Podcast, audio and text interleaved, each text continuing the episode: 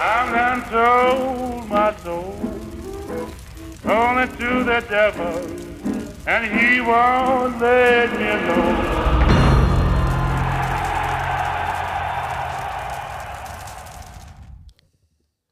Velkommen, goddag, god aften.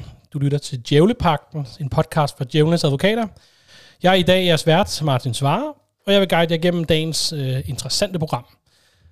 Med mig i dag, der har jeg den vanlige duo, som gør os til en trio. Det er Rasmus Dines. Tak. Du har været lidt fraværende. I hvert fald sidste gang. jeg kan ikke huske.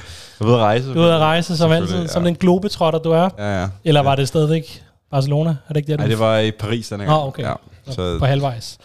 Mere eller mindre. holder en pause for at rejse. I en måned. Ellers nu det giver mening at rejse, gør ja, det? det er rigtigt. Nå, det nå. Øh, og selvfølgelig har vi også Svante Vettergren. Jeg kom ikke engang ud for hjemmet, når vi skal optage. Nej, det er ikke engang løgn, at du var låst fast herinde. Øhm, ja, vi, øh, vi står for den her dejlige opgave at skulle sende et afsnit, når der er landskampspause. Og det kan jo sådan lidt gå begge veje, når hovedemnet er Manchester United. Øhm, så det kan enten være en form for agurketid, hvor der ikke sker det helt store, eller det kan også være her, hvor alle skeletterne vælter ud af skabet. Men heldigvis så er United en klub, som altid leverer på nyhedsfronten. Så selvfølgelig har vi også fundet noget interessant til jer derude. Men inden vi kommer så langt, så skal vi jo lige forbi vores samarbejdspartner for Pundit Games, øhm, hvor vi øh, lige skal quizze lidt. Og jeg har jo øh, påtaget mig den, øh, kan man sige, den rolle at finde på mine egne spørgsmål, ikke finde på, finde spørgsmål til jer. Vi skal hvad- gætte, hvad Martin tænker. Gæt, gæt. øhm, hvor I, øh, og, og, som vi lige snakker om her, den her svære balancegang mellem at finde noget, der er svært nok til Dines, bliver udfordret, det går måske mindre godt, men også noget, du kan være med, Svante. nu siger du svære opgaver. Jeg vil mere kalde det umulige opgaver. Okay, måske. mulig opgave, ja. Men vi prøver alligevel, altså, okay, så her kommer den.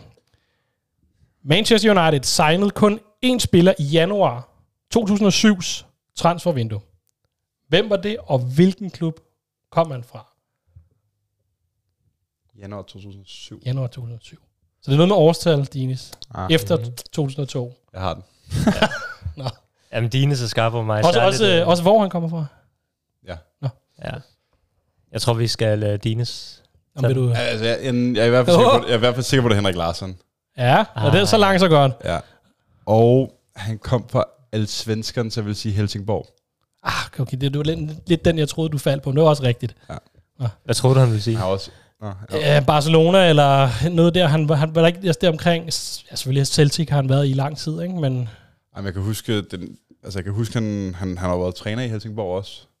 ja, det er først ja, efterfølgende? Ja. Så han har en relation. Ja. Og så kan jeg bare huske, at det, det der med, at der var den der, han skulle være der i tre måneder fra januar til den svenske liga startede. Mm. Uh, det løber lidt anderledes end, Ja, end blandt andet den danske, ikke? ja. Øhm, hen over sommeren og sådan noget. Og så ville han jo gerne blive, det han godt kunne se.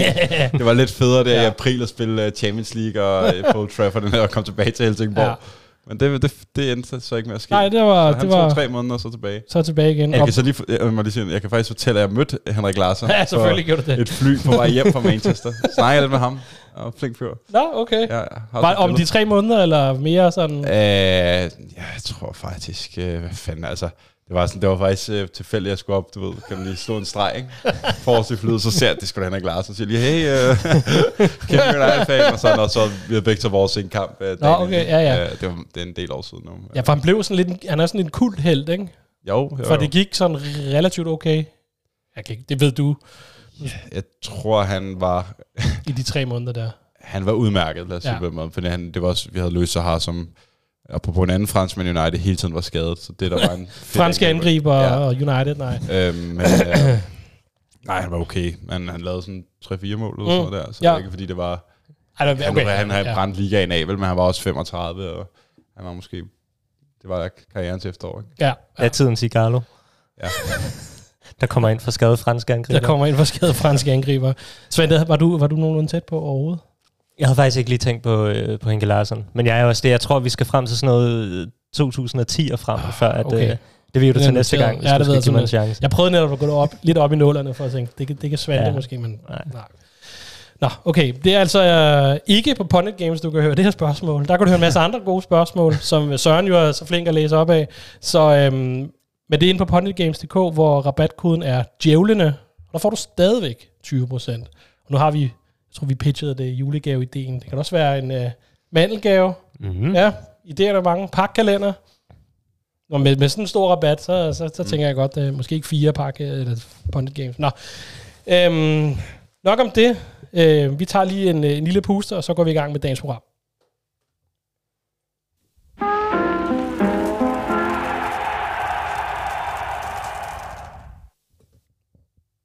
Ja, siden sidst er der, skulle til at sige, ikke sket så meget, i hvert fald ikke på fodboldbanen. Øh, fordi vi er der gang af, af landet i en landskampspause, øh, hvor man øh, som United-fan for tiden mest frygter nye og flere skader i truppen, og allerede inden landskampskamp, landskampspausen, så måtte vi jo tilføje vores danske duo til lazarettet, og vi kender mig bekendt ikke så meget til skadernes omfang. Om de forventes tilbage snarligt, eller... Nej, jeg tror... Jeg har været lidt stille omkring det her, ikke? Jo, jeg tror ikke, Højlund er ude så længe. Nej. Jeg tror, han begynder at blive testet nu. Jeg tror, Eriksen var sådan noget to-tre uger. Okay. Ish. Og det er vel Højlund, som er sådan den mest presserende, ikke? Jo. Jo, der er ikke rigtig nogen øh, til at tage over. Nå, øhm, men i mindste har de så fået en pause, og så kan man jo håbe på, at øh, ja, de har fået en eller anden form for ro på. Og min sand er ikke, om der ikke også kom to potentielle skader mere øh, i André Onana og Marcus Rashford, som begge måtte skiftes ud i der- deres respektive kampe, og selvom det ikke virker så, til at være så alvorligt, så er det alligevel sådan lidt, lidt bekymrende, at det bliver, bliver ved mm. og bliver ved. Ja. Er der noget andet, I uh, har lyst til at fremhæve fra, fra landskampspausen? Øh, altså, I gud, gud, hvor er det rart, at United ikke kan ødelægge min weekend. Pas på, hvad du siger. Ja. ja. øhm, Jeg bemærker, at Bruno Fernandes scorede ja, og spillede to kampe for fuld tid. Men okay, han går selvfølgelig aldrig. Ja, hvis jeg følger ikke så meget med i de der kvalifikationskampe okay. der, men øh, jeg ser da godt på, på X eller Twitter, eller hvad vi nu kalder det, at der hele tiden dukker en eller anden United øh, skade op, altså endnu en dårlig United-nyhed, ja. ikke? Det er bare den her sæson i en, i en nødskal. Øh, men, men omvendt, så kan man sige, så er du så også kommet to uger hen til, at vi får nogle spillere tættere på banen. Ja, Mm. HB mig, nu er jeg jo klar, men han må snart også, altså, må snart Ja, ja, også, tænker man, være spille, spille klar, ikke? spille klar. Ja. Og så glæder jeg mig rigtig meget til at se øh, Luke Shaw. Ja, men det er sådan nu her omkring øh, slut, slut november, ikke? Ja. At de snakker om, at han skulle være... Han vil virkelig kunne gøre underværker for, Ja. for vores, øh, vores venstreback. Men man skal selvfølgelig passe på at ikke rush ham for hurtigt tilbage. Ja, men det er også... Og hvor, ham igen. og hvor, også, og hvor, hvor, kan man sige, hvor kampklar er han? ja, ja. Forstå på den måde, at... øh, Ja. Malaysia, altså han fuldstændig glemt, vi havde. Men han er sådan helt forsvundet. Jeg tror også, han er på vej tilbage snart, faktisk. Ja.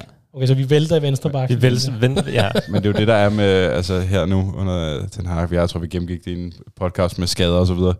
Han fortæller jo ikke, hvor langt Der er de det er det. fra, så vi, det sådan, Mhm. vi gætter lidt. Nå, måske er han tilbage på et eller andet ja, tidspunkt. Ja, ikke? han holder kortene Han meget holder- tæt til kroppen. Ja. Nå, Svend, er der noget, du har observeret? Det er der. Hvad nu? McTominay Ja, scorede, ikke? et mål, så vidt jeg Et ved. mål, Scorede ja. ikke i går, Nej. da jeg troede, at sad så Norge, Skotland. 3-3. Det var en Nå. Det var en, nå. Det var skuffende, Højlund, eller uh, McTominay Ja, der scorede han så ikke. Der var, nej. Nej. nej. Det er rigtigt, han, sco- han bliver ved med at score. Øhm, så, så der er lidt gang i, jeg skulle til at sige United-profilerne. Ja. Men det, det, det kan man vel godt kende. Vores, øh, vores number one øh, spillede jo faktisk mod Tyskland. Det er rigtigt, ja. Vores ægte number one. Øhm, Så har du givet ud af navnet. Bayindia? Ja, lad os sige det. Altay? Altay Bayindi. Det Ja. er en god mening. Jeg tror, han stod en meget fin kamp, umiddelbart. Ja, Jeg har kun set øh, highlights fra hans optræden. men sjovt, han har jo ikke spillet en minut for United. Mm. Men er åbenbart stadig god nok til at starte på landsholdet. Åbenbart. Men Det nu har han da fået lidt, øh, Er det kamptræning? lidt, lidt kamptræning, hvis øh, Onana er ude mod øh, Everton. Ja, ja, og han, han skulle, der er jo efter sin også det her med, at øh, han måske, måske ikke skal til African Nations Cup, altså Onana. Mm. Og så har vi jo brug for Bayindia. Øh, Mindre vi henter det her tilbage. inden da. og, hvad vil du sige til det, jeg siger ikke noget til Nej, det, okay, tror jeg. det var- Det, tror jeg er closed. Ja, okay. Det er godt nok. Øhm, noget andet, der er sket, og det, øh, lad mig lige forklare, det er jo, at, øh, at, at, at Everton er blevet frataget 10 point, på grund af, at de har overtrådt ligaens økonomiske regler, øh, og de er nu nede som næst sidst i Premier League, øh, og et, øh, har i talende stund 4 point. Og man kan sige, øhm, ifølge ligaen, lige kort fortalt, ifølge ligaens regelsæt må en klub ikke have mere end et vis antal millioner pund i underskud, det har de så mere end, øh, og derfor har de fået øh, frataget, øh, frataget de her point. Og hvorfor er det her så relevant i en podcast om United tænker I muligvis derude. Både fordi et, Everton sjovt nok er Uniteds næste modstander i Premier League, og jeg synes, vi har det. Nu, nu er det ikke en new manager bounce, som det var sidste sæson, men det skulle ikke overraske mig, hvis der var en eller anden. Så det er minus 10 uh, points deduction bounce. Sikkert, det, er, det, det burde det være. Men altid, når der sker et eller andet i en anden klub, så er det som om, at United står, står for tur. Ikke? Ja. Øh, og så øh, yderligere så har klubber som Leeds, Leicester og Burnley nu, i hvert fald rygtes der, at tage, de vil sagsøge Everton, både for noget med nogle økonomiske tab på grund af nedrykninger, som de har, altså man kan sige, at Everton jo har snydt sig, kan man vel- antage, når de er blevet dømt, til en bedre ligaposition, altså vil sige undgå nedrykning, og det har jo så kostet de her klubber en, en, en masse millioner i, i omsætning. Og det er relevant for United, fordi man kan sige, der, der er nogle højlytte naboer øh, i byen, som, øh, som straks kommer i søgelyset øh, på baggrund af den her dom, og det er jo øh, Manchester City og deres øh, 115 øh, anklagepunkter, øh, og til dels også Chelsea har skrevet, men det, men det er en anden snak. Øhm, og grunden til, det er relevant, det er jo ikke nok med, at de kan dømmes for at have snydt med primært sponsorater, øhm, men det andet er, at det er relevant for United, fordi der har været nogle anden pladser, som jo måske pludselig var til førstepladser, måske nogle økonomiske omstændigheder, altså United kunne have tjent nogle flere penge ved at være i Champions League, måske et eller andet. Mm. Så der har været, så det har jo sådan en, kan man sige, en effekt øh, længere ud, hvis det, hvis det bliver, hvis det bliver dømt. Så, Dines, vi har sat dig, øh, ja. der, blev, der blev lovet et, et, rant, men øh, du, du, har, du har taget lidt ned igen. Manet til besindighed. Jamen, hvad er spørgsmålet? det, det- der er ikke rigtig noget spørgsmål, men det, det her med, hvad, øh, hvad ved den her dom, som Everton ja. nu har fået, Ja. Så er der mange, der ligesom tænker, okay, det har en betydning for den her, de, de her anklager, der ligger hen over, Ja. ja. hænger over City. Ja, det har det jo. Øhm, fordi, nu kan man sige nu, anker, eller appellerer Everton selvfølgelig dommen. Mm. Øh, og lad os se, hvor det ender henne. Øh, jeg tror, Juventus har også på et tidspunkt, lige for at tage en reference til Ja. italiensk fodbold, fået frataget point, og så fik de pointene tilbage og sådan nogle ting. Ikke? Øhm, men det er vist, så vidt jeg har læst mig frem til, den hårdeste øh, pointmæssige straf, der Ja. har været i øh, Premier Leagues historie. Mm. Øhm, og det er, hvis man, altså, det er jo ikke to ens sager, som Nej, nej. hvis man går ind og tilbage og kigger på Manchester City's situation, som vi jo nok, kan man sige, Også fordi Everton er bedømt i et forhold. i et forhold, altså man kan sige, Everton har jo, man kan sige, snydt, men de har jo nok mere, altså mere sige, de har kørt over for et. Ja, Altså de har, der har været nogle regler, de har ligesom overskrevet de Ja. regler, og har haft for stort et tab i forhold til, mm. Øh, hvad man skal gøre, så man sætter jo de her finansielle regler op, så er det, der er ligesom er ens vilkår for, Ja. for klubberne. Øhm, og det er jo noget andet. Vi har øh, oplevet Manchester City, der har fået 115 charges imod sig. Mm. Øh, og det er blevet, så vidt jeg husker, øh, indstillet til, at det skulle ind for det her uafhængige øh, panel, der nu har straffet øh, Everton med Mm. minus 10 point. Øh, og den sag lige nu ved vi jo ikke, nej, nej, hvor, hvor, ender hvor han? ender henne. Men den er jo stået på noget tid. Den, er, den, det kom frem i januar-februar øh, i år, øh, så det er jo lige siden nærmest ejerskifte. Ja, men, men var, det, var, der ikke, var der ikke også noget, altså de har været igennem UEFA-møllen, ja, de var med jo- nogle af de samme anklager. Ja, og de røg, mange af dem røg i hvert fald for, for forældelsesfrist. Ja, forældelsesfristen. Ja. Men der, er- det, det, det, er ikke de samme omstændigheder, der er i, når det er Premier League eller FA, der ligesom går ind Der er ikke nogen forældelsesfrist. Der er ikke nogen forældelsesfrist, og der er ikke noget, noget med at lægge dokumenter, det er også beviser og sådan noget. Der er nogle, Præcis. der er nogle andre regler i forhold Præcis, til præcis. Og det her det er jo faktisk, det er jo faktisk en sag, der går tilbage, helt tilbage til 2018, Mm. jeg ved, med City, hvor at de her lækket dokumenter øh, kom frem, og så har man ligesom gået ind fra Premier League side og kigget på det. Og så først 4-5 år efter har man jo ligesom sagt, jamen vi vil sigte dem for de her 105 Mm. mm. charges. Øhm, og hvor det så ender i forhold til øh, straffemålen, det må tiden vise. Men der er ikke nogen tvivl om, at hvis Everton får minus 10 point for at køre over for rødt og har haft det operating loss, og en øh, hvad hedder det, financial charge, og Manchester City har 115, så svarer det altså lidt til, at nogen kører over for rødt, og nogen de, øh, har slået et menneske ihjel og parteret livet og gravet ned bagefter. Ikke? Så det er bare for at sige, at den strafudmåling, der er blevet sat til Everton, hvis det skal Ja. danne præcedens, så kunne godt være frygt for, for Manchester City, ja. øh, hvis, jeg havde de, øh, hvis jeg havde sympati for dem, men det har jeg så ikke, heldigvis. Altså, men, jeg, men, men, men man skal også huske på, der sker bare mange ting, og der er også meget geopolitik i, Mm. i det her. Øh, så der er også meget med advokater, og hvad de kan finde frem øh, for, Ja. i forhold til Premier League, og alt muligt, som, øh, stikker højere op, som måske kan gå ind og indflyde det her. At det, altså, Manchester City er jo blevet, det er jo verdens bedste fodboldhold lige nu, hvis man kigger på banen. Og, og det kan jo også have en, en anden effekt. Mm. Så, så du ved, man tør Ja, det er lidt af en liga, vi, øh, Ja. vi opererer i, selvom Præcis. Everton er en stor Men det er bare for at samle en, en, lovovertrædelse i forhold til 115, der står ud på over 9 år. Ja, Altså, det vil klinge hul, hvis de slipper afsted med en tilsvarende straf, ja. øh, som, som Everton. Også fordi jeg tænker, der i, så vidt jeg har forstået, i Everton-sagen, der har de sådan mere eller mindre sagt med åbne krop, ja ja, vi, vi satte på, at vi kunne tjene, nu tjene de her penge, det gjorde vi så ikke. Så mm. det er da fint nok. Hvor City, de har jo sagt, vi har klare beviser, men der er ikke kommet noget frem. Altså de her beviser har ikke set dagens lys. De har jo tværtimod forlænget sagen, sådan helt bevidst, mere eller mindre, ikke, med deres øh, advokater og sådan noget. Og det virker også lidt underligt, at man som prøver at obstruere det her, den her proces. Altså, de, de er i hvert fald meget glade for at hæve deres uskyld, men jeg ser ikke dem kæmpe for at rense deres navn. Nej, Fordi hvis de kunne rense deres navn, ja, det er det. så vil, altså det vil jo være til alles gavn. Altså Manchester City mest af alt, men også altså de fodboldspillere, der har præsteret og vundet de her trofæer på Mm. mm. banen, altså det hold, der er sat sammen, det skal vi også huske på. Det er jo stadig dem, der har vundet kampene. Ja, ja. Det er bare måden, de er kommet til at kunne sætte det hold sammen. Ja. Øhm, så det må også være irriterende for dem, hvor der hænger en eller anden skygge over, at hvad ved jeg, at øh, for, i den periode, at trofæerne måske kan blive frataget for dem. Mm. Øh, ikke at jeg har noget behov for, at øh, United vinder titler på bagkant og sådan noget der. Og, Nej.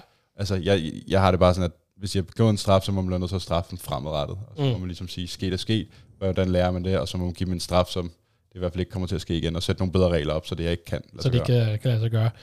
Men er vi ikke også enige om, altså sådan, hvis de er skyldige i det, de bliver anklaget for, altså jeg synes jo ikke engang, en tvangsnedrykning virker til at være en hård nok straf, Nej. i forhold til, hvor meget de har snydt over en hvor lang en periode, fordi jo, så rykker de ned i championship, og hvad, så tager det dem et år eller to at komme op igen, og så kører det fint. Altså sådan, altså så vil jeg have dem ud af ligasystemet, ikke? Altså så Helt, helt skal de ned og lave en uh, wel- Welcome to Manchester dokumentar for nogle Hollywood-ejere, eller et eller andet i, i den tur. Det er altså, noget, ja.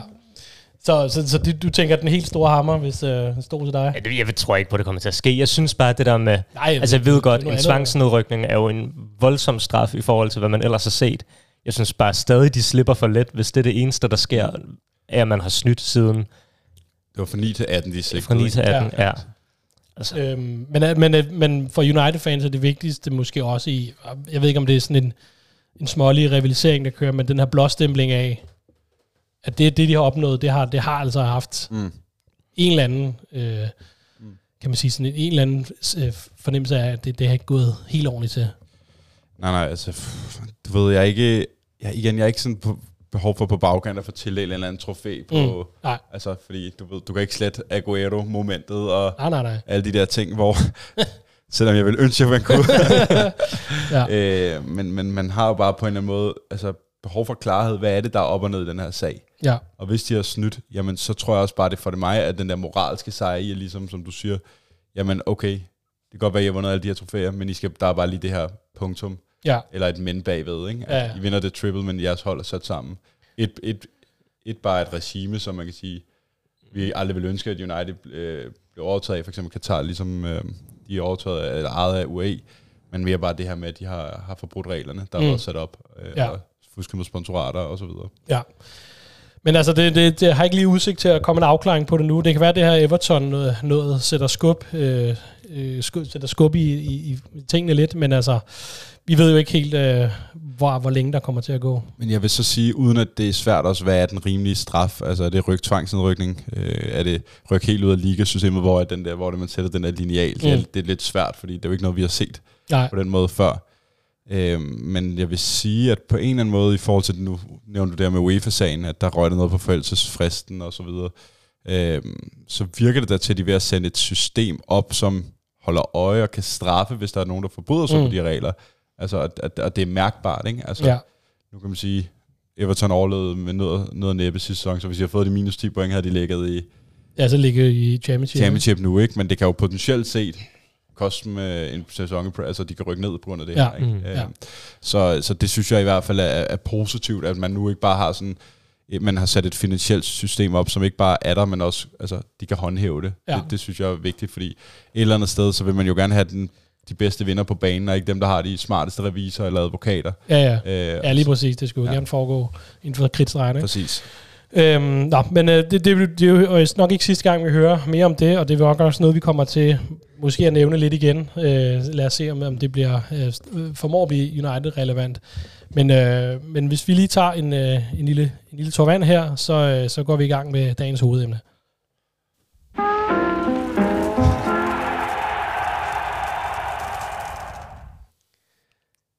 Ja, vi skal, vi skal som sagt, der er ikke rigtig sket noget inde på, på, på banen øh, i forhold til, øh, til United. Øhm, så vi skal snart kigge på den her mulige omrokering på Uniteds ledelsesgang, har jeg, har jeg kaldt det.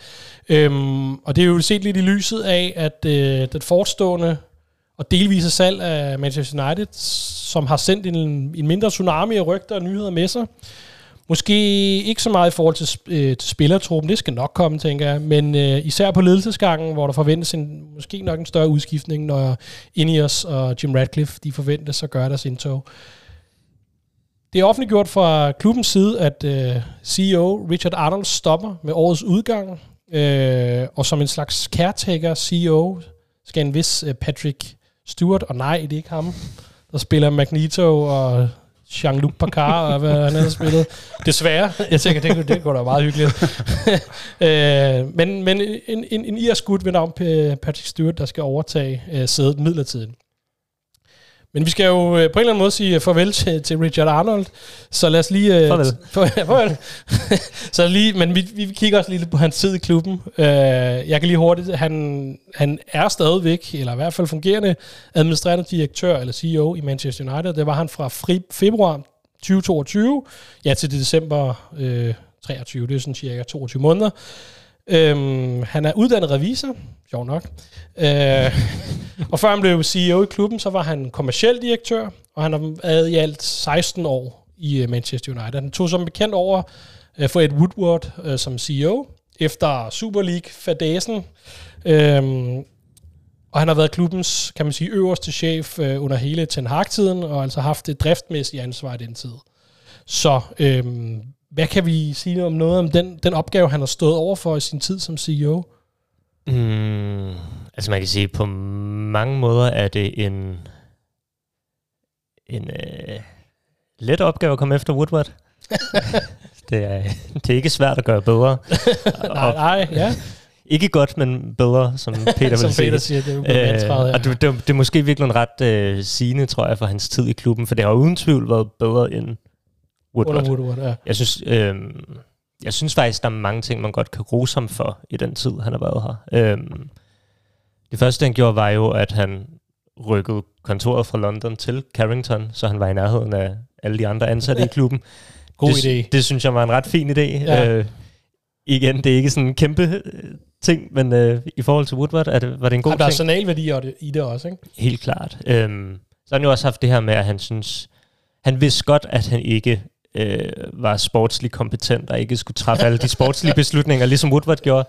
Så han havde det her, man gerne ville uddelegere ansvaret. Ja. Det har jo øh, primært været... Så den selvindsigt havde han trods alt. Trods alt. Ja. Øh, så den har han jo gået videre til, til John Murdoch, yes. øh, som har, har stået for de sportslige beslutninger. Øhm, så tror jeg, han har haft sådan en...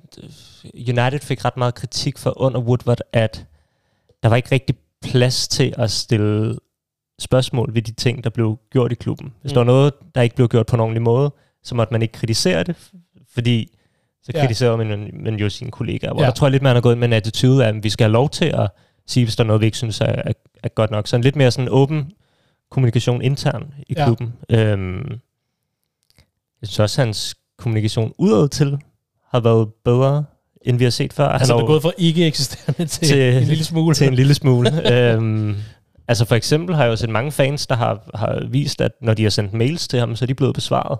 Okay. Øhm, han havde jo også...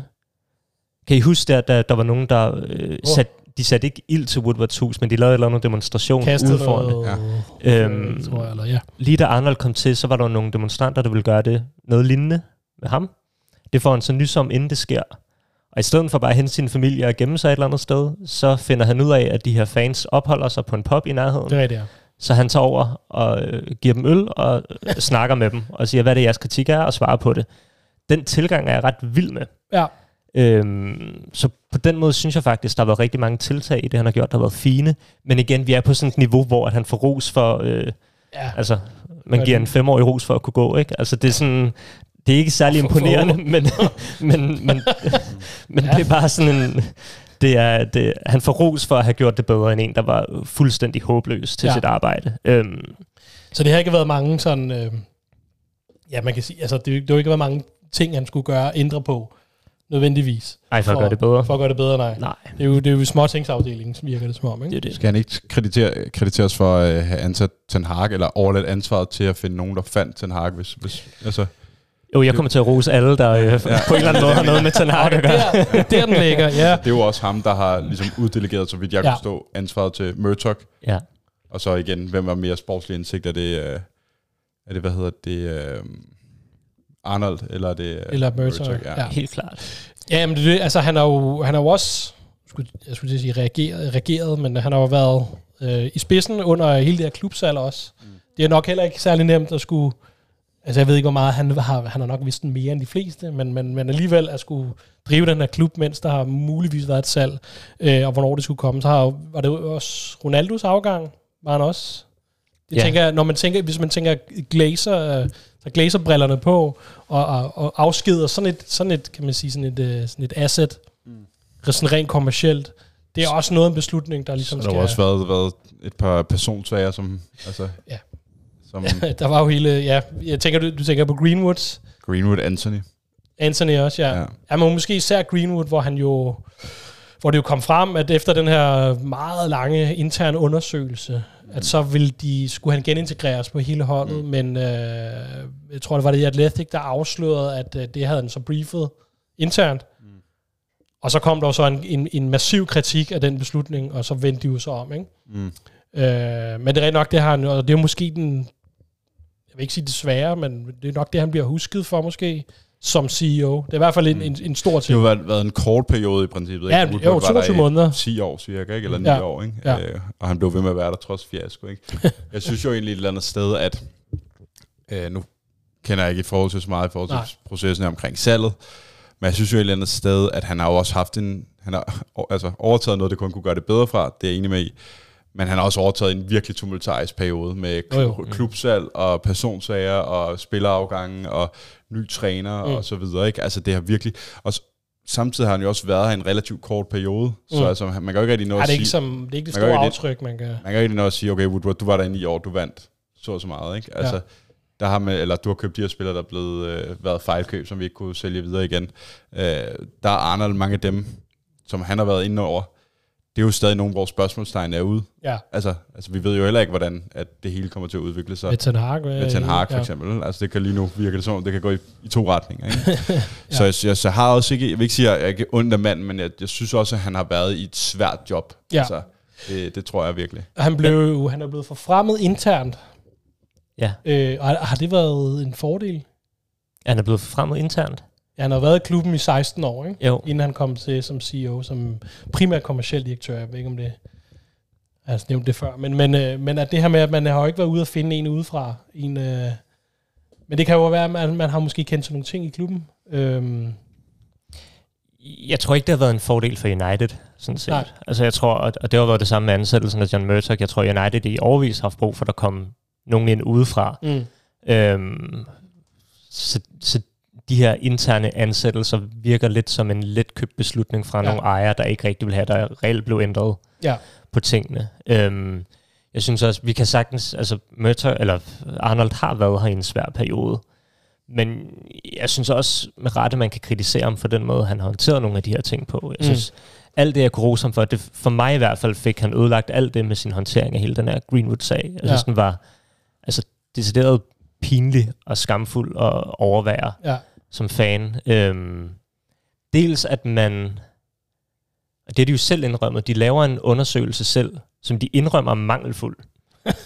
De indrømmer, at der er ting, vi ikke har adgang til. Ja. Og alligevel så siger de, at de bruger den til at træffe en beslutning Mm. på baggrund af. Øh, derudover så laver de jo undersøgelsen internt, hvilket også bare øh, er skidt, fordi så vil der altid kunne være nogle interessekonflikter Mm. i, i stedet for at sætte nogle eksternt til at lave den Til at lave det undersøgelse der, ja. For klubben, som man jo ma- normalt gør i, i den her slags sager. Ikke? Øh, og så synes jeg, at hele kommunikationen udad til har været enormt mangelfuld. Altså, der har ikke blevet kommunikeret ordentligt, hvad det her har handlet om, og så hele den her fadese med, at de virkelig har besluttet, at han skulle indlemmes i klubben igen, og så gav det et kæmpe bagslag, og så ændrer man beslutningen ja. i sidste øjeblik, som jo øh, virkelig signalerer en svag ledelse, synes jeg. Øhm, og jeg tænker også, at Men, hvis... jeg, jeg, må holde ja. man, man træffede jo ikke engang rigtig en beslutning, andet end at han blev, han skulle ikke være i klubben. Ja, Om det er så for nu for evigt, eller om det er kun lige en den periode, han er i Getafe, eller der blev ikke rigtig taget en beslutning. jeg, jeg vil faktisk sige, jeg tror, at øh, fra deres synspunkt, tror jeg, at de mente, at han er ude af klubben. Men med, men med det men, at, at når der kommer nye ejere ind, kan de jo ikke beslutte, hvad der sker. Arnold ikke, kunne ikke sige noget definitivt, hvis Ineos kommer ind og træffer en anden beslutning. Ja, Så jeg okay. tror, det var derfor, de faktisk var lidt vage i beslutningen, bare Ja. for at give dem lidt Ah, okay.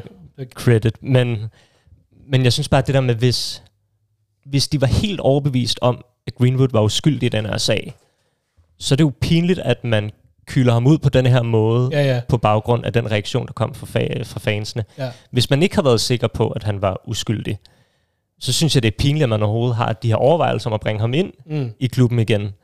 Og hvis man ret beset bare træffer det hele på baggrund af, hvilken reaktion der kommer fra fansene, så virker det også sådan, hvad fanden er det så for en intern under? Har I så bare brugt øh, ni måneder på at prøve at stikke en finger i jorden og mærke, hvordan stemningen var, og så blev jeg alligevel overrasket over den, og så ændrede jeg. Altså, det er ja. sådan, jeg synes virkelig, det har været pinligt Ja. ja. at være viden til. Og jeg synes, det bliver hans eftermæle. Øh, Og på en eller anden måde synes jeg også, det bliver med rette, fordi jeg kan godt rose ham for at flytte sin kontorplads, men det synes jeg trods alt er en relativt lille ting i forhold til Ja.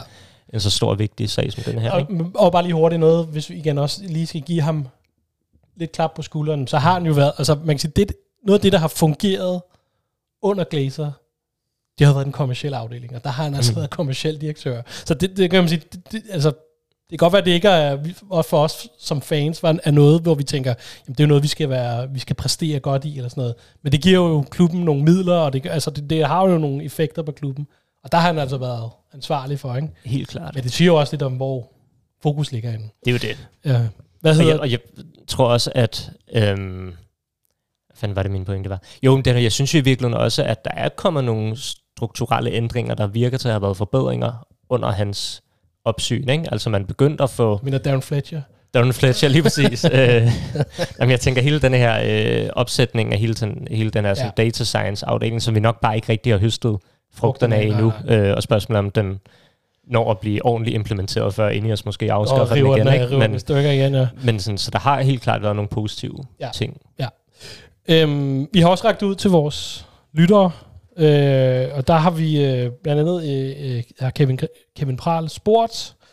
Øh, han skriver, at det forlyder jo, at Richard Arnold siden maj har været utilfreds med salget til Ineos, og derfor har modarbejdet klubben på de øh, indre linjer.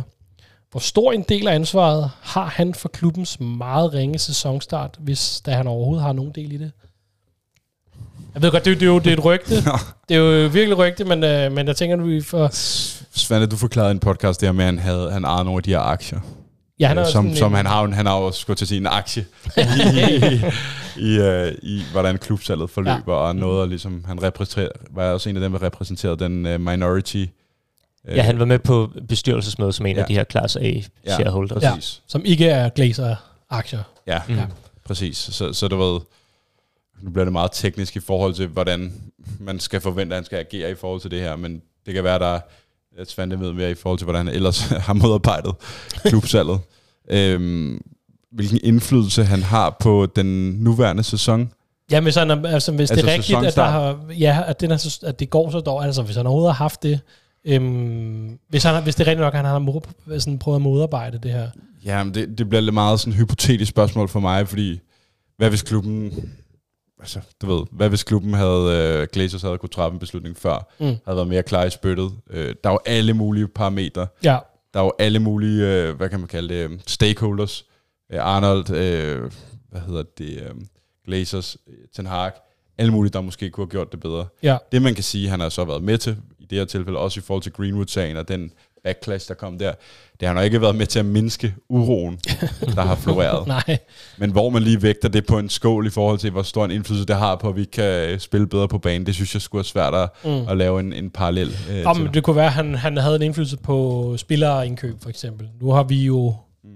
i sidste øjeblik måtte lege to, Amrabat og Reguilon for eksempel. Ikke? I stedet for at ud og købe sp- spiller direkte, som jo som holdet tydeligvis mangler, ikke? Mm. Øhm, der kunne være, at han, han, han, han, han havde en, en Men han involverer sig vel ikke rigtigt i, i spillerkøbene, vel? Altså, han kigger vel finans, finanserne igennem, som jo også er presset. Altså, det er jo også det, man mm. husker på. Ja. At han har også et budget, øh, som han Men også, er de presset, fordi der ikke er flere penge, eller presset, fordi man ikke vil bruge?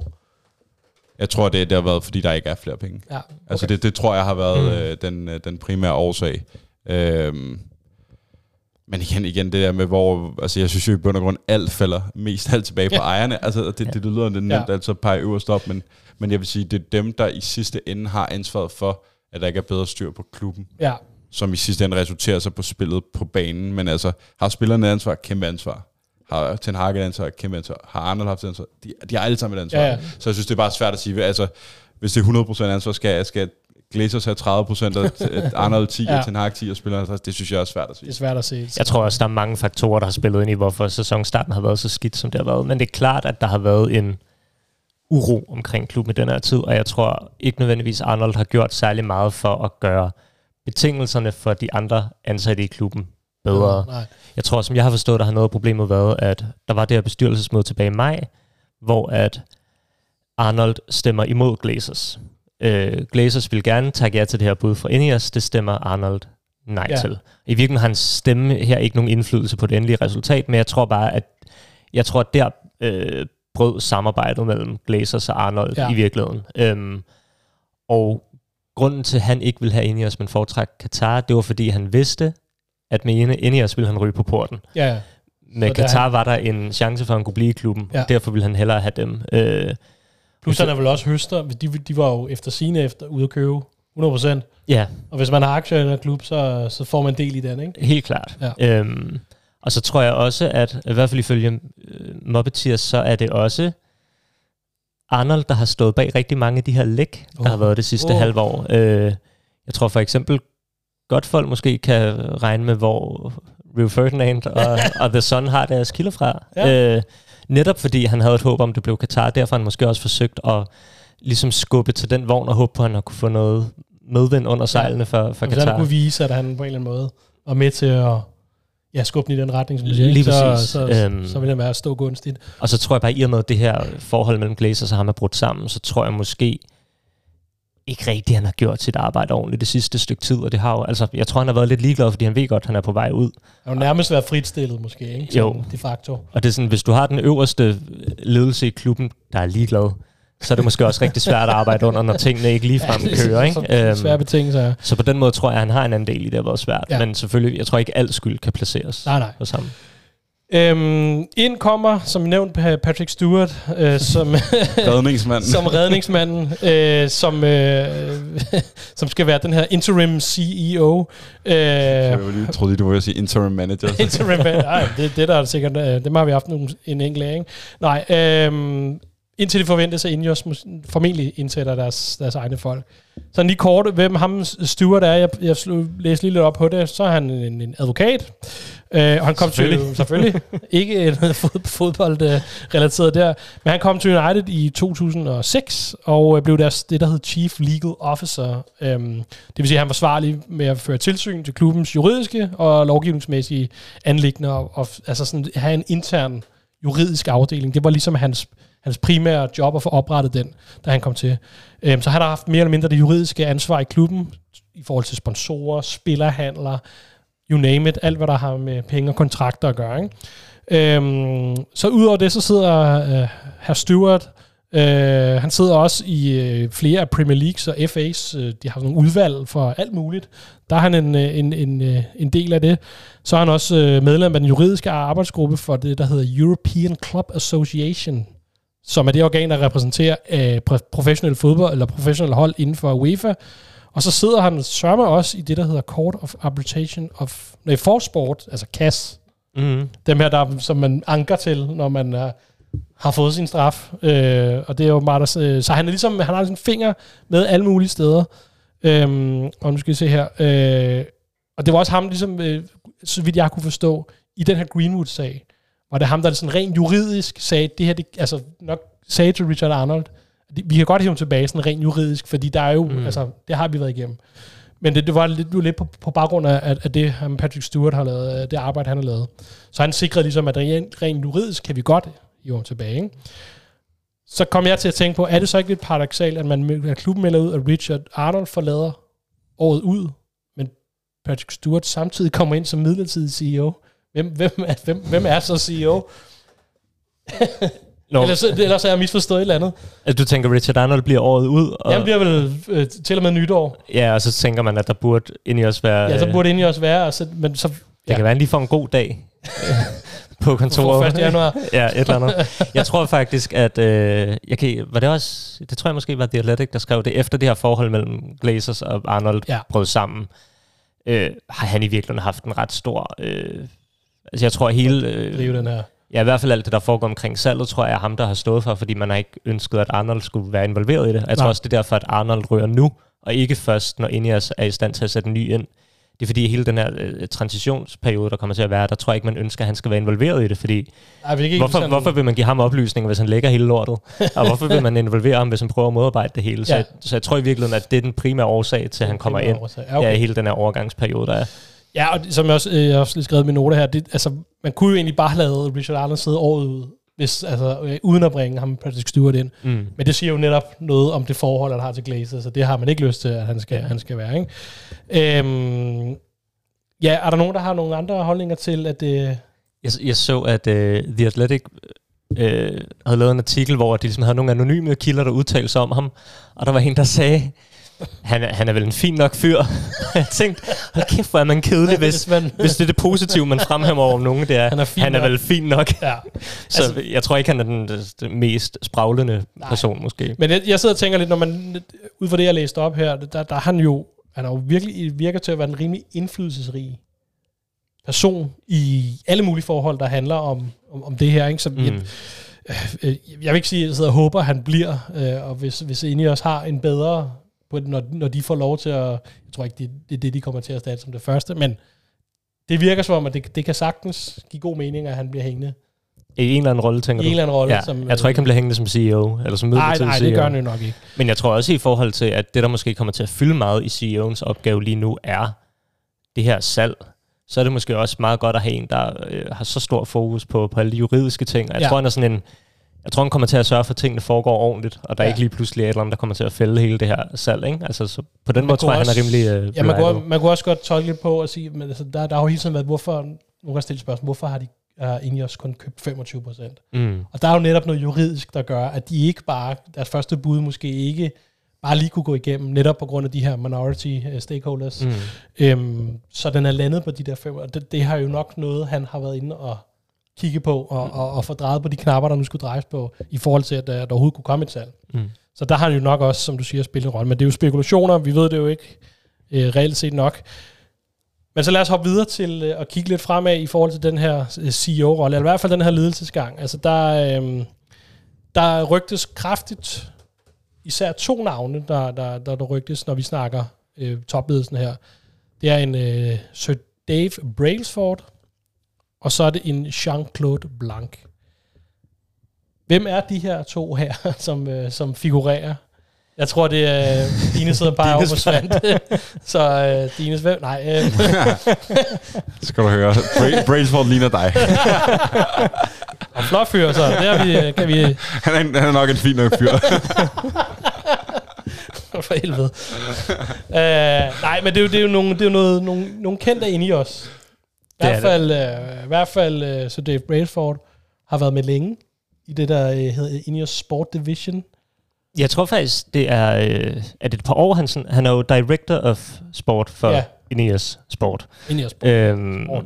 og før det, han, jo, han er jo allermest kendt for sin involvering i cykling, som går mange, mange år tilbage. Ja, det, Øhm, det berømte Sky-hold. lige præcis. Hvor han jo i virkeligheden vel øh, fik sådan undervældende hold til at Ja, præstere helt. Altså det er vel, nu ved jeg ikke særlig meget om cykling, men det er vel nogle af de bedst præsterende cykelhold sådan De, Ja, de, de, de kom, set. men de, fik, uh, de havde også et kæmpe de, budget. kan, de fik Ja, Sky men de- med ombord, det, er det tror jeg var Ja, en... men de havde, øh, det jeg husker, så ændrede han jo på nogle ting i cykelsporten. Ikke? Altså, Jo. Jo, Man begyndte at køre lidt anderledes, Ja. end, end man gjorde i gang. Ikke? Med de der marginal gains. Jamen, det er helt, han helt store... Ja, det er virkelig hans... Øh, to yndlingsord, tror jeg. Det er marginal gains. Øh, Og skal, øh, for folk, der ikke lige helt er med på det, hvad er sådan, bare lige kort. altså jeg tror, at den beskrivelse, jeg har set af det oftest, det har ligesom været, om hvis man, hvis vi tager cykling som eksempel, hvis man fokuserer på alle de dele, øh, cykling består af, og forbedrer alle delene med 1%, Ja. ja. så kan man opnå enormt gode resultater, øh, når man ser på det samlede set. Ikke? Fordi Yes.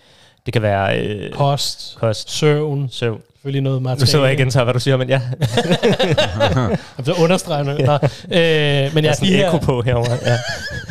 Ja. øh, men altså, ja, alle de her små dele, der kan skrues på. ja. Ja, godt. Øhm, og så har han jo, øh, så var det jo, at Ineos opkøbte cykelholdet, som, Cykelholdet, ja. og han blev ligesom ved med at være involveret i cykeldelen, og så siden han er han gået ind og blevet director of sport, og er nu ligesom øh, sportsdirektøren for alle deres øh, sportslige øh, Ja. foretagender, øhm, og har jo så de sidste par år været enormt meget involveret i Nice, på Ja. godt og ondt i virkeligheden. Ja. Øh, først har der været enormt meget kritik af, at de træffede nogle lidt dårlige beslutninger under ham, men han har også også været en stor del af, at den her sæson er begyndt at gå Er det gået? væsentligt bedre. Øhm, og jeg er egentlig spændt på, hvor stor en rolle han skal have i United. Det er klart, at han kommer til at have noget at sige, men jeg tror også, planen er, at man ansætter nogen specifikt Ja, til at tage sig af United, så han i virkeligheden stadig fortsætter med at have den her mere overordnede rolle, men for Ineos Sport. Eller Lige sådan, præcis. Og så har han måske noget konsulent lige præcis. rolle et eller andet. Fordi jeg tænker, jamen nu, nu snakker vi jo CEO-positionen, og så er der jo ham med Jean-Claude Blanc. De kan jo ikke begge to være CEOs. Så vidt, jeg ved ikke, om forretningsverdenen fungerer sådan. Det, øh, det skal jeg jo svare, svare, svare skyldig, men Co-CEO. co-CEO, co-CEO, øhm, Jean-Claude Blanc, han, øh, han er i hvert fald ham, der, der på rygtebasis øh, er ved at blive kørt i stilling som CEO. Ja. Og Dins, vil du øh, øh, lægge ud, eller skal vi blive hos Svante? Hvordan, hvordan han ser ud, eller? er han en fin nok fyr? Nej, jeg ved heller ikke. han er sikkert også en fin nok fyr. Han er fra Frankrig, kan jeg fortælle dig. Ja. Han er mere hård. Ja, det er rigtigt, ja. Så lige Der, måske- der er faktisk lidt mere... Ja, øh, meget. Lidt mere Dines, Dines øh, end, øh, okay. Ja. Ja. Lidt mere gråhåret. Jeg men, øh, tænker, uh, Svante er, Svante er på specialisten. Øhm, jeg så faktisk, han er jo i, i sportens verden blevet kaldt øh, altså CEO'ernes Messi Uh. nogen. Han er virkelig, øh, nu taler man ham også meget op, men han har ligesom fået en beskrivelse for at være øh, virkelig en dygtig CEO. Ja. Øhm, og han har jo i flere årtier beskæftiget sig med alle mulige forskellige sportslige ting. Men jeg tror, at de to ting, han er blevet mest kendt for, har været hans sådan, ledende roller i Juve og i PSG.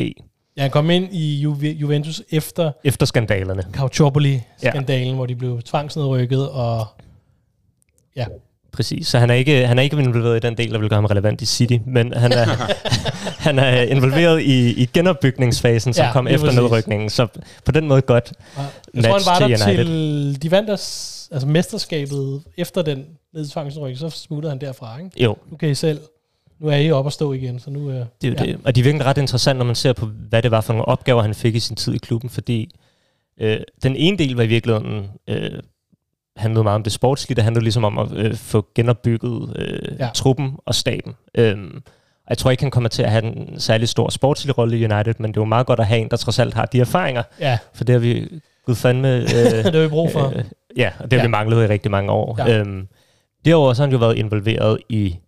Juve fik jo et nyt stadion, mens han var til, så han var ligesom supervisor på hele den del. Det er jo ret interessant, han har den erfaring, når han kommer til United, fordi der er nogle af de lignende planer Lidt det bliver om øh, renovering af stadion, og så øhm, skulle han også... Juve var jo øh, mildest talt i en ikke sindssygt god finansiel øh, Nej, situation, og havde en masse gæld, de skulle håndtere og sådan noget, og det har han også taget sig af.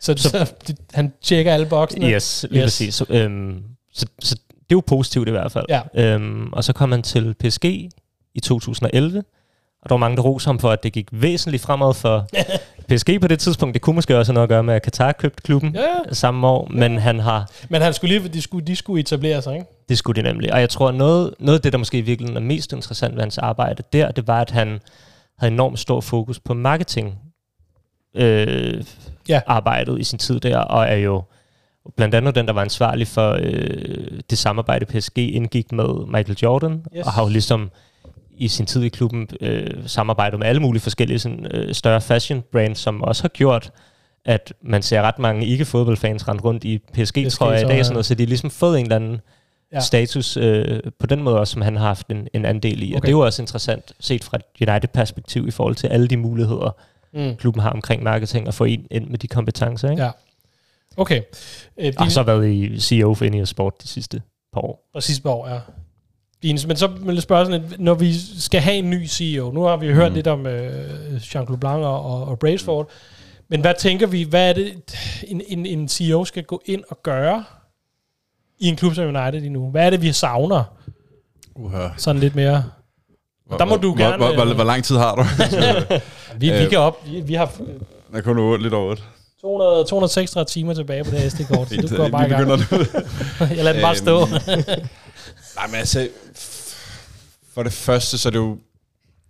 For det første, så tror jeg som fan, at jeg har behov for, at du ved, at den øverste ledelse begynder at kommunikere mere til fans. Fordi ja. er det fandme noget, vi ikke har oplevet med ejerne og ledelsen øh, i ja, nærmest to årtier. Øhm, så, så det, det er den første ting, at, at jeg føler, at der mangler noget altså direkte kommunikation omkring øh, en gang imellem. Det behøver ikke være altså, om alle beslutninger, men, ja. men bare, at man føler ligesom, at man forstår, hvad de, hvad de prøver at gøre inde i klubben, fordi der kommer helt sikkert til at være en, en, en periode, hvor at, øh, altså, der er nok øh, nogle års arbejde, der skal ryddes op efter af Glazer og Arnold og Woodward og hvem der ellers har været. De andre rødder. De andre, øh, hvad de har efterladt øh, tilbage i, i, i, i, i filerne. men, oh, shit.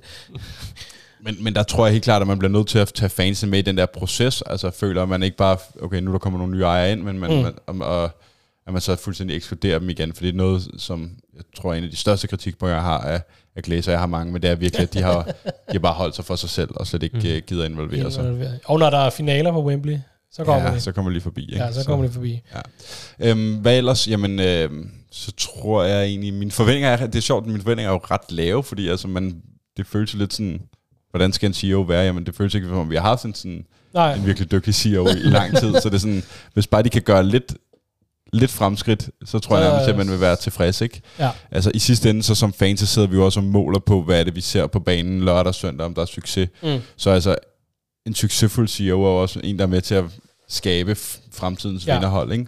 Og der tænker jeg, at man har nogle, nogle visioner, om det bliver, øh, hvad hedder det, hvad hedder den, Sean... Jean-Claude Jean-Claude Det mest franske navn. Jean-Claude Blanc. det er helt ja. sindssygt. Eller det uh, Brailsford, altså det her med, at, at de, der er helt sikkert nogle ting, hvor United halter bagefter mm. øh, i forhold til det sportslige setup, og de kan være med til at sætte deres præg. Ja. Og så tror jeg, at sidste ting, øh, det er det her med, øh, som du også var inde på, jamen, hvad er egentlig planen for at involvere fans i forhold til planen for stadion? Fordi jeg synes også, at det, her, det er vigtigt, at, at fans, det er også der skal jeg til at sige, primært skal jeg selvfølgelig spillerne, mig. så ja, nej, men, men det er jo også, altså, det er jo selvfølgelig klubben, der ja. ejer det, men det er jo lidt vores stadion, det er vores ja. minder, der er der. Øhm, så og vi fans vil jo blive ved med at være der, men spillerne og managerne på et eller andet tidspunkt, de, hopper de tager videre. Ikke? Ja. Øhm, så hvad har man tænkt sig at gøre der, og, og tage dem fans med på råd, øh, i forhold til, hvad ligesom ønsker er, man vil blive mm. på Trafford, eller bygge et helt nyt, eller noget tredje. Ikke? Ja. Øh, så, så det tror jeg er nogle af de tre parametre, jeg kan pege ja. sådan nu her øh, på. Jeg skal lige, øh, vi havde en, øh, en på Twitter, jeg siger ikke X, jeg Nej, kalder det Twitter. det gør du så nu alligevel. Det gør også alligevel, ja. Det skal man jo bare forklare hver gang for nu. Nå, øh, Kim Le, han, øh, han skriver netop det her, han, han med rygterne omkring øh, Jean-Claude Blanc, øh, og han har også læst den der fantastiske Twitter-tråd, som, øh, som gik viralt med alle hans bedrifter, mm-hmm. i mhm. blandt andet Juventus. Øh, og han spørger også lidt til de her forventninger, vi kan have. Altså, jeg tænker måske på den korte bane, helt korte bane, hvis vi antager, at han kommer ind omkring nytår, eller ind i os gør, og så han i, i kølvandet på, på det, øh, får lov til at, at sætte sig ned bag direktørstolen. Hvad, altså, jeg tænker, det er jo lige, altså, så er der jo et uh, januar transfervindue. Kan vi forvente noget allerede der, eller...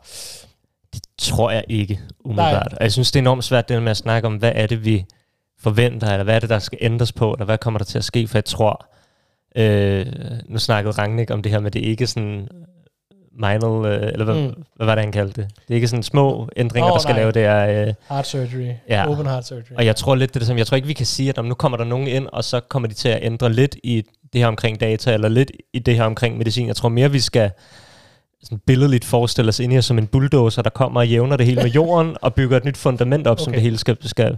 Så jeg tror mere, så kan det være, at man siger, om denne her, afdeling fungerer meget godt, det beholder vi.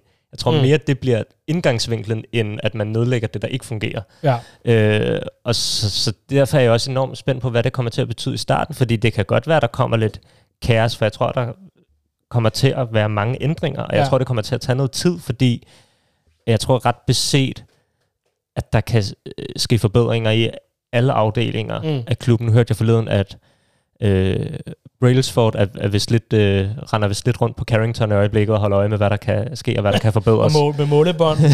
Måler op. og jeg tror, bare sådan en simpel ting, som han har kritiseret, det har været kommunikationen. Han spiller sekser Hey. i weekenden. Men, Ja. øhm, men en ting har været, altså, en ting er kommunikation udadtil, men også kommunikation internt i klubben. Jeg tror ikke, han mener kommunikation fra ledelsen til Ten Hag har været god nok. Jeg tror ikke, han Nej. mener kommunikation fra Ten Hag til spillerne har været god nok. Alle de her kommunikationsovergange, Snitflader. snitflader skulle være bedre. Jeg tror, at de har en idé om, at hele den her ting med Sancho for eksempel, kunne have været undgået, hvis bare kommunikationen internt i klubben havde været Ja bedre. Og, så jeg tror bare, at det er sådan et billede på, hvor mange ting de kommer til at kigge på og vil forbedre. Og jeg tror, at øh, det bliver et stort arbejde. Ja, men altså vi har jo, jeg tænker som, som fan, som, som sofa-fan, som, øh, som jeg selv er blandt andet, øh, så tænker man jo, at, at, at det man gerne vil have, det er jo, at der, at der kommer en eller anden form for strømligning i forhold til den her butik. Og det er jo, øh, øh jeg hørte den tidligere en anden podcast, hvor de sagde, at, at når man er en klub i Uniteds klasse, eller på det, det niveau, som, øh, som vi gerne ser os selv i, så skal du have de bedste af de bedste. Best in class Mm. i sports science, i data analytics, i uh, medical, uh, selvfølgelig også kommercielt, men det er jo nærmest den eneste, hvor, man, hvor vi kan antage, at United har haft best in class. Mm. Så det, det, er, så- altså det, det, er lidt der, jeg tænker, hvis, hvis, hvis baseret på den her Jean-Claude Blancs, øh, eller Monsieur Blanc, hans, øh, hans, øh, hans, hans tid Juventus og, og Paris og sådan noget, jamen så, så, så virker det som om, at han, at han netop har været inde og strømline det her og sige, okay, der er et problem med, at vi, økonomien sejler. Mm. Der er ikke de, vi får ikke købt de rigtige spil. Altså han måske har været god til at identificere det her, og sagt, okay, nu skal der strømline, vi skal finde de rigtige folk. Og Mm. ikke nødvendigvis bare promote folk internt, mm. Som John Mertz og Richard Arnold, som har været i omkring klubben. Ikke? Øhm, så, så, altså, så, så det her med, at der bliver strømlignet, øh, og mange har jo så sagt, i forhold til Ten Hag, så, så, så skal det jo netop, at han har jo fået alt for meget ansvar. Nok han gerne selv vil have det, men det, vi har jo sådan nævnt dem tusind gange. Han bliver ikke beskyttet mod sig selv. Mm. Han kan jo ikke være scout, fordi han, han, han jo tit refererer til spillere, han har en eller anden form for kendskab til enten trænet, eller spillet imod, eller hvad fanden det nu er, ikke? Altså, men, men det, det, og det, det, det har vi jo snakket om før, det, det, det er et andet setup omkring, det er jo bare for at tage øh, ska, hele scouting-systemet. Der skal jo der skal noget andet på, det skal være meget mere databorgen, ikke? Øhm, og det- og det, det kan virke åbenlyst for os andre, men, men når klubben ikke er sat i verden for at være de bedste sportsligt, som jeg lidt tolker på det, det er Glazers, og de, de gør det for at være bedst kommercielt, så, så, er, så er det jo nogle af de her ting, der skal etableres. Og det tror jeg godt, vi kan forvente Ja. kommer til at ske. Så tror jeg, det det der med, jeg tror måske også, det, jeg går lidt i hårdknud, fordi når hvad er det lige præcis CEO'en skal stå for, men det er jo, det er jo CEO'en, det er jo Brailsford. Øh, Radcliffe kommer nok også til at engagere sig i det, der kommer nok også en sportsdirektør ind. Ja. Men jeg tror, øh, først og fremmest tror jeg, United skal til at finde ud af, hvad, hvem vi er som klub. Både øh, i vores... Sådan, øh, jeg tror, der skal sættes nogle mere nøjagtige begreber på, på hvad United er sådan, som kulturfænomen, men også, hvad er det for noget, vi skal se Mm. på banen. Netop få strømlignet det hele ud af, hvad er det rent faktisk, Ja. vi skal stile efter at opnå. Øhm, og så tror jeg også, fordi både med Brailsford og også inde i os helt generelt, øh, er enormt databorgerne og bruger det enormt meget i, Især hvis man øh, går op i marginal gains, ikke, som Lige præcis. Øhm, jeg læste faktisk et interview med, jeg kan ikke huske, øh, jeg ved ikke, hvordan jeg udtaler hans navn, men, men ham, der lige er blevet manager i Nice her til sommer. Italieneren. Lige præcis. øh, De Serbi 2.0. øh, øh, men, men, øh, men hvor han ligesom ude og sige, om han var... Øh, han var ude af job, da de hentede ham på det tidspunkt, men han kunne mærke, at de havde gjort et enormt stort forarbejde, da de Mm. fik ham ind, og at de havde fundet frem til hans navn, og havde de netop gjort på baggrund af data, og de havde gjort et altså, massivt arbejde for at vide alt om ham, og han sagde, at han kom ind til et fem timers interview, jeg tror, at han kom ind en gang mere, men han kunne bare mærke, at de vidste alt om, om ham på det tidspunkt, fordi okay. De var så velforberedte. Ja. Øh, så jeg tror, Så det var ikke ligesom i Ten Hag, historien om Ten Hag, der blæste øh, de andre bagover med alt muligt. Nej, Nej, vidste det de var godt i omvendt. forvejen. Er det ja. Ja. omvendt, ja. Ja. Og forhåbentlig også den anden vej, siden de Ja, har ansat ja, ham. Men, okay. men, øh, ja, så jeg tror bare, at lige præcis det, du nævner, det er selvfølgelig det, vi kommer til at okay. se, at der er nogen, der går ind og definerer klubben og strømligner Ja. måden tingene bliver gjort på, og ansætter bedst en class. Bedste- På alle, i alle parametre, ikke? Øh, Ja. Øh, hvor vi nu kan finde Det skal vi jo. Dines øh, øh, Ten Hag, hvordan vil han, tror du, hvad indfinde sig med, at han formentlig skal angive, eller afgive noget, øh, ikke angive, afgive noget ansvar? Øhm, altså, ja, han har jo han har formentlig blevet solgt øh, det her projekt, Uniteds projekt, på, mm. at du får lov til at hente de spillere, du gerne vil. Mm. Fordi han netop, åbenbart hans powerpoint var så god til det der møde. men, men altså, at... Øh, at øh, men altså, så han har jo en masse ansvar, øh, som det ser ud til lige nu. Mm. Øhm, og det får han måske ikke mere. Hvilken betydning kan det have? Det er i hvert fald en interessant dynamik, der kommer til at være. Ja. Altså, det handler jo ikke bare om, Ten Hag øh, får en, en, en velfungerende sportslig sektor over sig. Det handler Mm. jo også om menneskerne, om de kan sammen. Om øh, han kan sammen med den, der bliver ansat som, som CEO og sports, øh, sportslig direktør, øh, forudsat at det ikke er, er Murdoch, hvilket det også... Det ligner nok, at Han er nok også Ja. ude, ikke? Ja. Øhm, men han har, hvis det var det, du har nævnt et par gange der, arbejdet under en lidt samme struktur i Ajax med Van der Sar og Overmars. Ja, Øh, men igen, der kan jo også være nogle personlige relationer nu. Jeg har været gode venner med, med, med Overmars, at det måske også skal være nemmere, hvis det er en af dine venner, der fortæller dig øh, strukturerne, hvilke spiller man handler, eller Mm. mm. et tættere samarbejde. Så det bliver noget andet end det, han har, den vision, eller det, han er blevet solgt ind. Ikke? Fordi Ja. der tror jeg helt klart, at, øh, hvad hedder det, at han har han, han kommer til at få et mindsket ansvar på sigt. ja, Øh, og det tror jeg, jeg håber, han er klog nok til at se, at det kan være med til at, hvad hedder det, fratage ham noget, øh, ja ikke bare ansvar, men også noget pres og noget... pres, og ja, øh, jeg vil ikke sige skyld, for det er sådan meget øh, hårdt, hårdt ord, men hvis nu nogen spiller ikke lykkes, så, så er det ikke Ten Hag som den første, man peger på, mens det er det, man kigger på nu, hvis, mm. Hvis Anthony ikke lykkes, eller nogle af de andre, der er blevet hentet ind øh, på hans anbefaling. ja. Øhm, Svante, hvordan, men tror du, han vil kunne indfinde sig? Du er jo... Altså, det, det, øh, jeg synes jo, at Ten Hag er en intelligent mand. Men jeg tænker, det må være svært også at gå tilbage til, nu du i går sådan bare træner. Mm, jamen spørgsmålet er også i virkeligheden, fordi det, det virker til, at han har krævet at skulle have et større ansvar, da han Mm. kom til klubben. Spørgsmålet om han har gjort det, fordi at det vil han have, eller om han har gjort det, fordi han kunne se, at der er nogle ting i United, der ikke fungerer. Jeg tror på, at jeg kan gøre det bedre, end de andre, der er ansat Okay, i klubben lige ja. nu. Øhm, men jeg har bare sådan en tanke om, at han, hvis han ønsker succes, så må han vide, at den måde, man får succes på, er ved at have en anden struktur, end den, der er i klubben lige nu. Mm. Og jeg kan ikke se, hvis han gerne vil være toptræner, der er ikke særlig mange klubber, han kan komme til, hvor at det her ikke bliver setupet i Ja. en eller anden form. Altså, ja. Okay. du skal til dårligt drevne fodboldklubber for at have så meget magt, som man har i United lige nu. Og jeg ved ikke, hvor attraktivt det er at skulle til Everton, eller, eller noget i den dur. Altså, så er det sådan, jeg kan ikke se, hvorfor han ikke skulle acceptere det, Nej. medmindre det er sådan, at du ved, ja, ja. du har ingen indflydelse overhovedet Nej, på noget du skal som gå ud og helst. sætte kejler op. Ja, Nærmest, og dem kan sætte meget præcis, baby. Det går det ved vi, ja. Men, men, Tjek græsets længde, og hvad fanden er nu? men altså, jeg kunne ikke, hvis setupet bliver noget af det, han arbejder under i Ajax, så har jeg svært ved at se, hvorfor han ikke skulle acceptere det. Selvfølgelig, Ja. så længe det, er, det, foregår på en eller anden færre måde. Ja. Og det tænker jeg, det kommer til, fordi alle har jo en interesse i, at det bliver så godt som muligt. Ja, lige præcis. Øhm, I tager lige hurtigt det spørgsmål, det kan vi måske få afklaret sådan rimelig hurtigt. Det er fra Michael Højer, undskyld Michael, jeg har lidt omformuleret det spørgsmål, men ved en øh, ny CEO under Radcliffe får mere eller mindre frie tøjler til at gøre sit arbejde. Øhm, øhm, altså, sådan, altså, jeg tror nok, han, at Michael mener lidt, lige nu virker det som om, at Glazers, de skal sætte signatur på alt, hvad der foregår i den Mm. klub, ikke? og kan overrule nærmest hvad, hvad som helst. Men i, i sådan et Radcliffe setup ved en CEO, så øh, for det, han kalder fritøjl, altså få lov at bestemme, hvad, hvad, hvordan det skal ske. Jeg, jeg tror, at, at øh, Radcliffe nærmest vil gribe tingene an diametralt modsat af, hvad vi har set af Glazers. Mm. Man kan måske sige, at Glazers virker ikke særlig engageret, men de er lidt for involveret. Ja, Hvor jeg tror måske, det er det omvendte med Radcliffe. Jeg tror, han er engageret, men jeg tror ikke nødvendigvis, han er særlig involveret. nej, okay. Øhm, man skal også tænke på, at, at Ineos som øh, er jo i virkeligheden et konglomerat, der består af enormt mange forskellige virksomheder. Ja.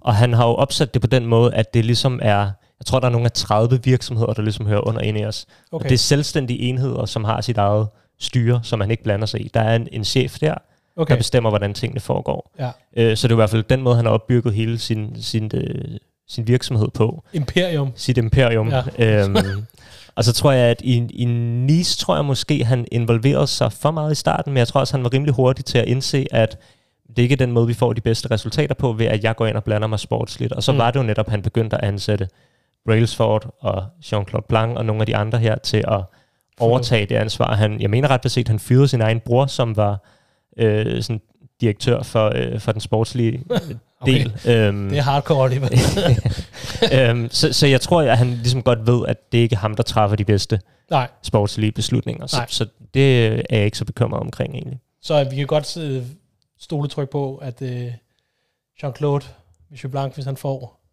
øh, hænderne på rettet, at det, det får den lov til at styre selv. Ja, der er ikke, øh, det er ikke sådan en øh, køreskolebil, hvor at, øh, Radcliffe sidder. Med speed og bremser? Nej, ja, præcis. okay. ja, men øh, øh, således så godt, at, at intet af det her, det er jo baseret rigtig meget på spekulationer, for der er jo intet, der er offentligt nu, eller endegyldigt nu andet end Richard Arnold. Han, han, han smutter ved årets udgang, og jeg er så bekymret for, at det bliver annonceret, mens vi sidder og optager. Jamen det, ja, vi, øh, ja, det, vi sidder jo også med, I sidder med telefonerne fremme, så ja. jeg, jeg satser på, I, I råber højt, hvis der sker noget. Øh, fordi man forventer lidt i den her uge, ikke, at der skulle... Jeg tænker, det bliver i dag, eller i morgen, eller onsdag, eller ja. her i starten af ugen. Og det foregår... Eller en anden dag. Det er sikkert midt om natten, fordi det skal passe med amerikanerne, skal det ikke? Garanteret. Ja. Nå, øh, mens I tjekker telefoner, så tager vi lige en, en, en, en, en lille pause.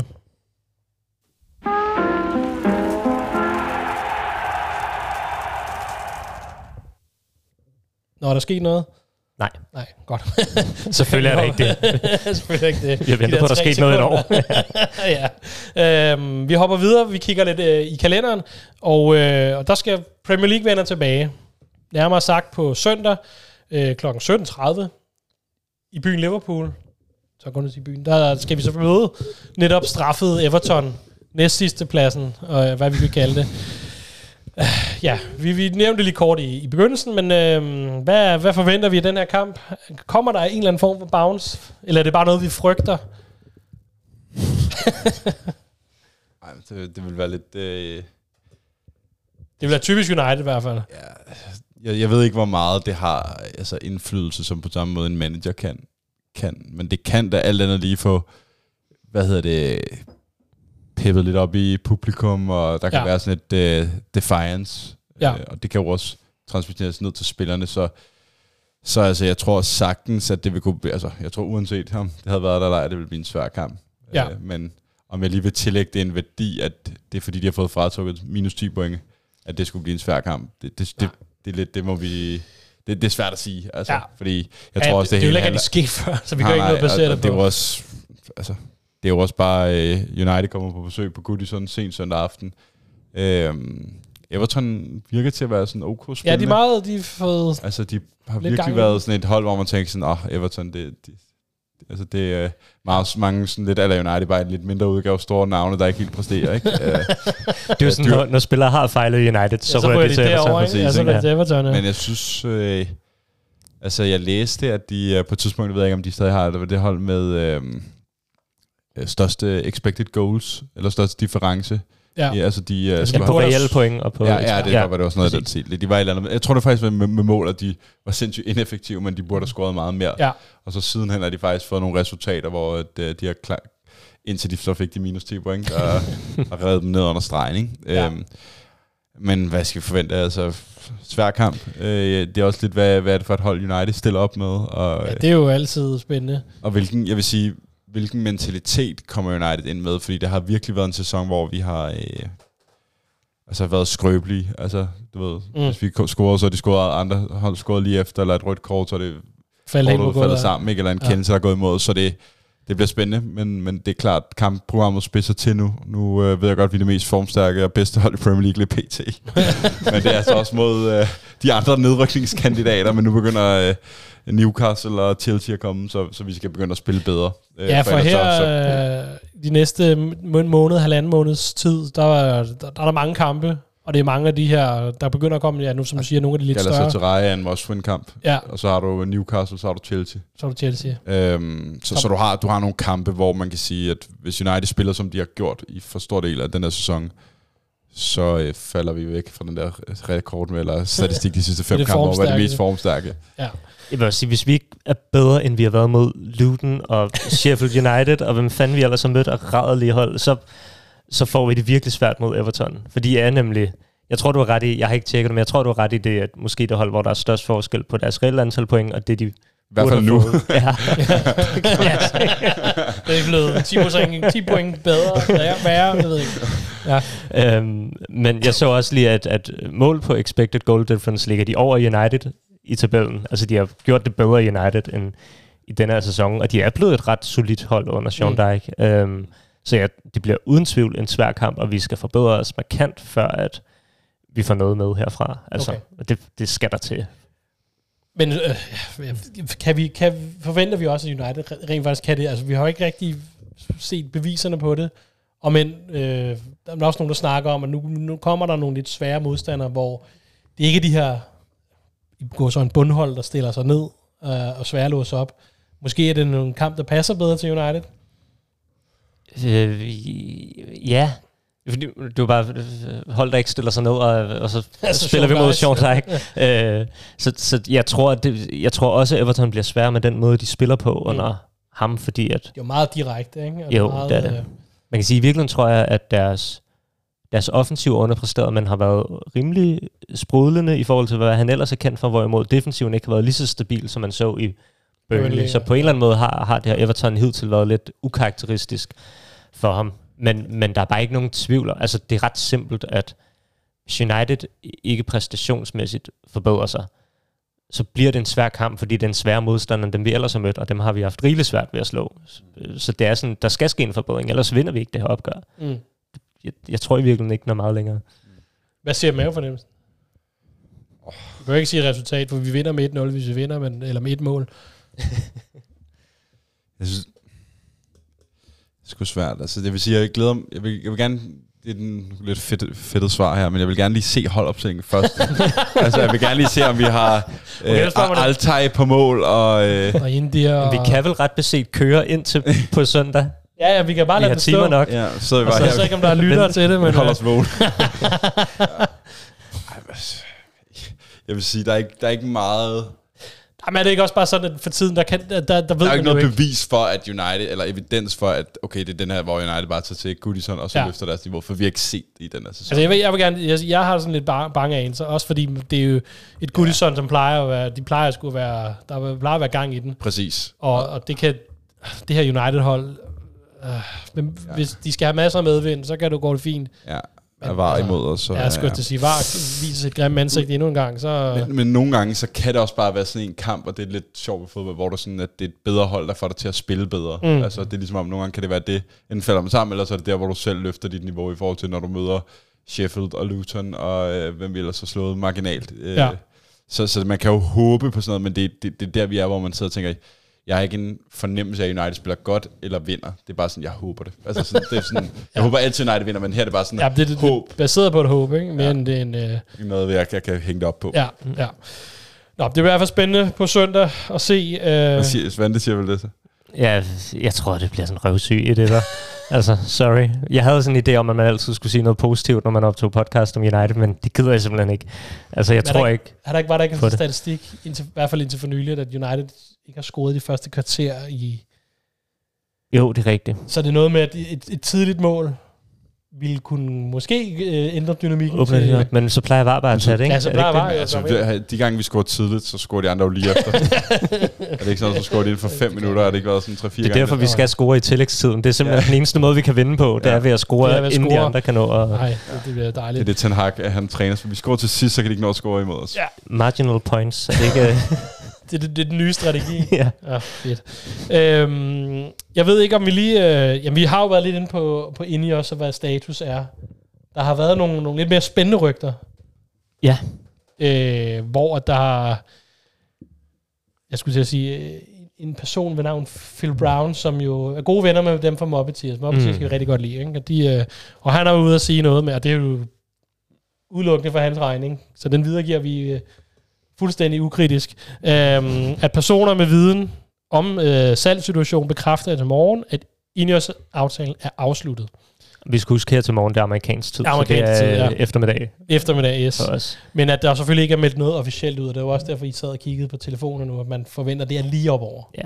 Jeg vil sige, at der er jo sådan noget med, at når det bliver officielt officielt, når alting er underskrevet og sådan noget, så må du ikke gå særlig mange timer, før at det Nej, bliver meldt ud. det er sådan noget aktie. Præcis, så han har skrevet det. Hvornår er det her øh, tweet fra? Det er vel nogle timer gammelt efterhånden. Der står der øh, 5.48 p.m., og så er det, jeg er altid i tvivl om, hvad det betyder, men det vil her være omkring kl. 6, kvart Ja. i 6, 20, 10, 6. Så kan man sige, hvis han kom med den udmelding der, så burde det jo sådan set allerede være officielt nu, hvor vi optager. Så jeg tænker, der er et eller andet, der, Der er ikke er underskrevet kan- endnu. yes. Men jeg er da ret sikker på, at hvis ikke det bliver i aften, så bliver det i morgen. Eller, altså, der var jo snak om, at det skulle være inden Mange Thanksgiving, procent, ikke? mange procent. På, på hvad? På i dag, eller på... det bliver i dag eller i morgen. Ah, tager jeg kaste mod det? Nå, det er bare det. Søren plejer at sige. Ja, ja. Skal vi sige 95? Er det ikke det, jeg er kendt for? Og den er dig, Øhm, Søren, den der. Jeg tænker, der er en, øh, en god sandsynlighed for, at det sker meget snart. Altså, Okay. meldingerne gik på, at de ville have den lukket inden Thanksgiving Ja. på torsdag. Ja. Så må ikke den er lukket inden. Min mavefornemmelse siger i dag, når folk I dag. lytter til det her, an på, hvornår de lytter. Og om, er det noget med om to dage, er det præcis et år siden, at det her strategic review blev Ja, det er, på, offentliggjort. det er på onsdag. Det er på onsdag. Et år siden, ikke? Et år Ja. siden, ja. Sagde du to år siden? Så om to dage. Om to dage, Åh, det er et år sorry. siden. Det er mig, der ikke lytter. Jeg kan Ja. høre. hvad- Ja. Sidder og kigger i telefonen og holder Ah, øje, sorry, ja, sorry. Det er Det var en rigtigt. fin fyr.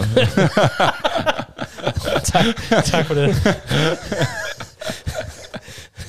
øh, nå, men lad os, øh, lad os spænde en knude på det her afsnit, og, øh, og sige, at det var det for den her gang. Øh, du kan selvfølgelig, øh, en lille opfordring, følge os på diverse sociale medier, Facebook, Twitter, ja, Instagram, og så også på ungdomsmediet TikTok, hvor vi, øh, hvor vi øh, buller derud med interessant Peter har lige fået, øh, ved du hvor meget vi er oppe på, Jonas? 200.000? Nej, to- 22.000 øh, 22.000 ja, visninger views på Peter. TikTok, Ja, Peter. der. Peter er et hit på TikTok. Og gå ind og se, hvad, hvad al den virak er omkring. Og du finder også ved at søge på djævlene med A i stedet for A. Dine gik engang viralt på TikTok, var det ikke noget med det? Det har du selv snakket om. Der... Ved, ved du det? Nå, ja. ja, det var noget med resultater. Nå, ja, det jo Men det var sådan... gamle trick. Ja, ja, men det var, det var helt fedt. Det var, det var en eller anden, der havde lagt det der klip op. Altså, øh, du ved, sikkert Nå, bare... for... Det var helt random. Nå. Så, så jeg fandt ud af det via omvej. Altså, det var ikke noget, jeg... Men det var også... Ind, var det, du brød landets grænser, ikke? Var, er det det? Var du i udlandet? Øh, ja, ja, men jeg tror mest, det var i, det Åh, blev okay. vist i Danmark, ikke? Så er en, der har lagt det der op, og så han jo så øh, tænker det sådan noget med tekst, og så giver det x antal følgere, der går ind og ser på det. Så der var en eller anden, der også siger bare 20.000. Måske lige over Peter, måske. øhm, havde, havde lagt det her klip op, uden sådan, at jeg havde nogen vi- vidsthed om, hvad fanden. Altså, det var sådan Ej. flere år efter, jeg var inde i, øh, Nå, okay. inde og lave det, ikke? Så, Det var i sekseren, du var inde og lavede dit ja, god gamle. Men, gode øh, gamle sekseren. Øh, ja, men øh, copyright i øvrigt. copyright, ja. den er lige med der. Øh, jamen, så gå ind, gå ind, find os, følg os, alle de der øh, gode ting, og så, øh, så tror jeg, at vi siger, det var det for i dag. Tusind tak, Rasmus Dines. Selv tak. Tak, Svende Vettergren. Selv tak. Og tak til Jonas, vores kameramand, som sidder og venter pænt derovre og, og forholder sig stille. Øh, mit navn er Martin Svar, og vi lyttes ved øh, næste gang.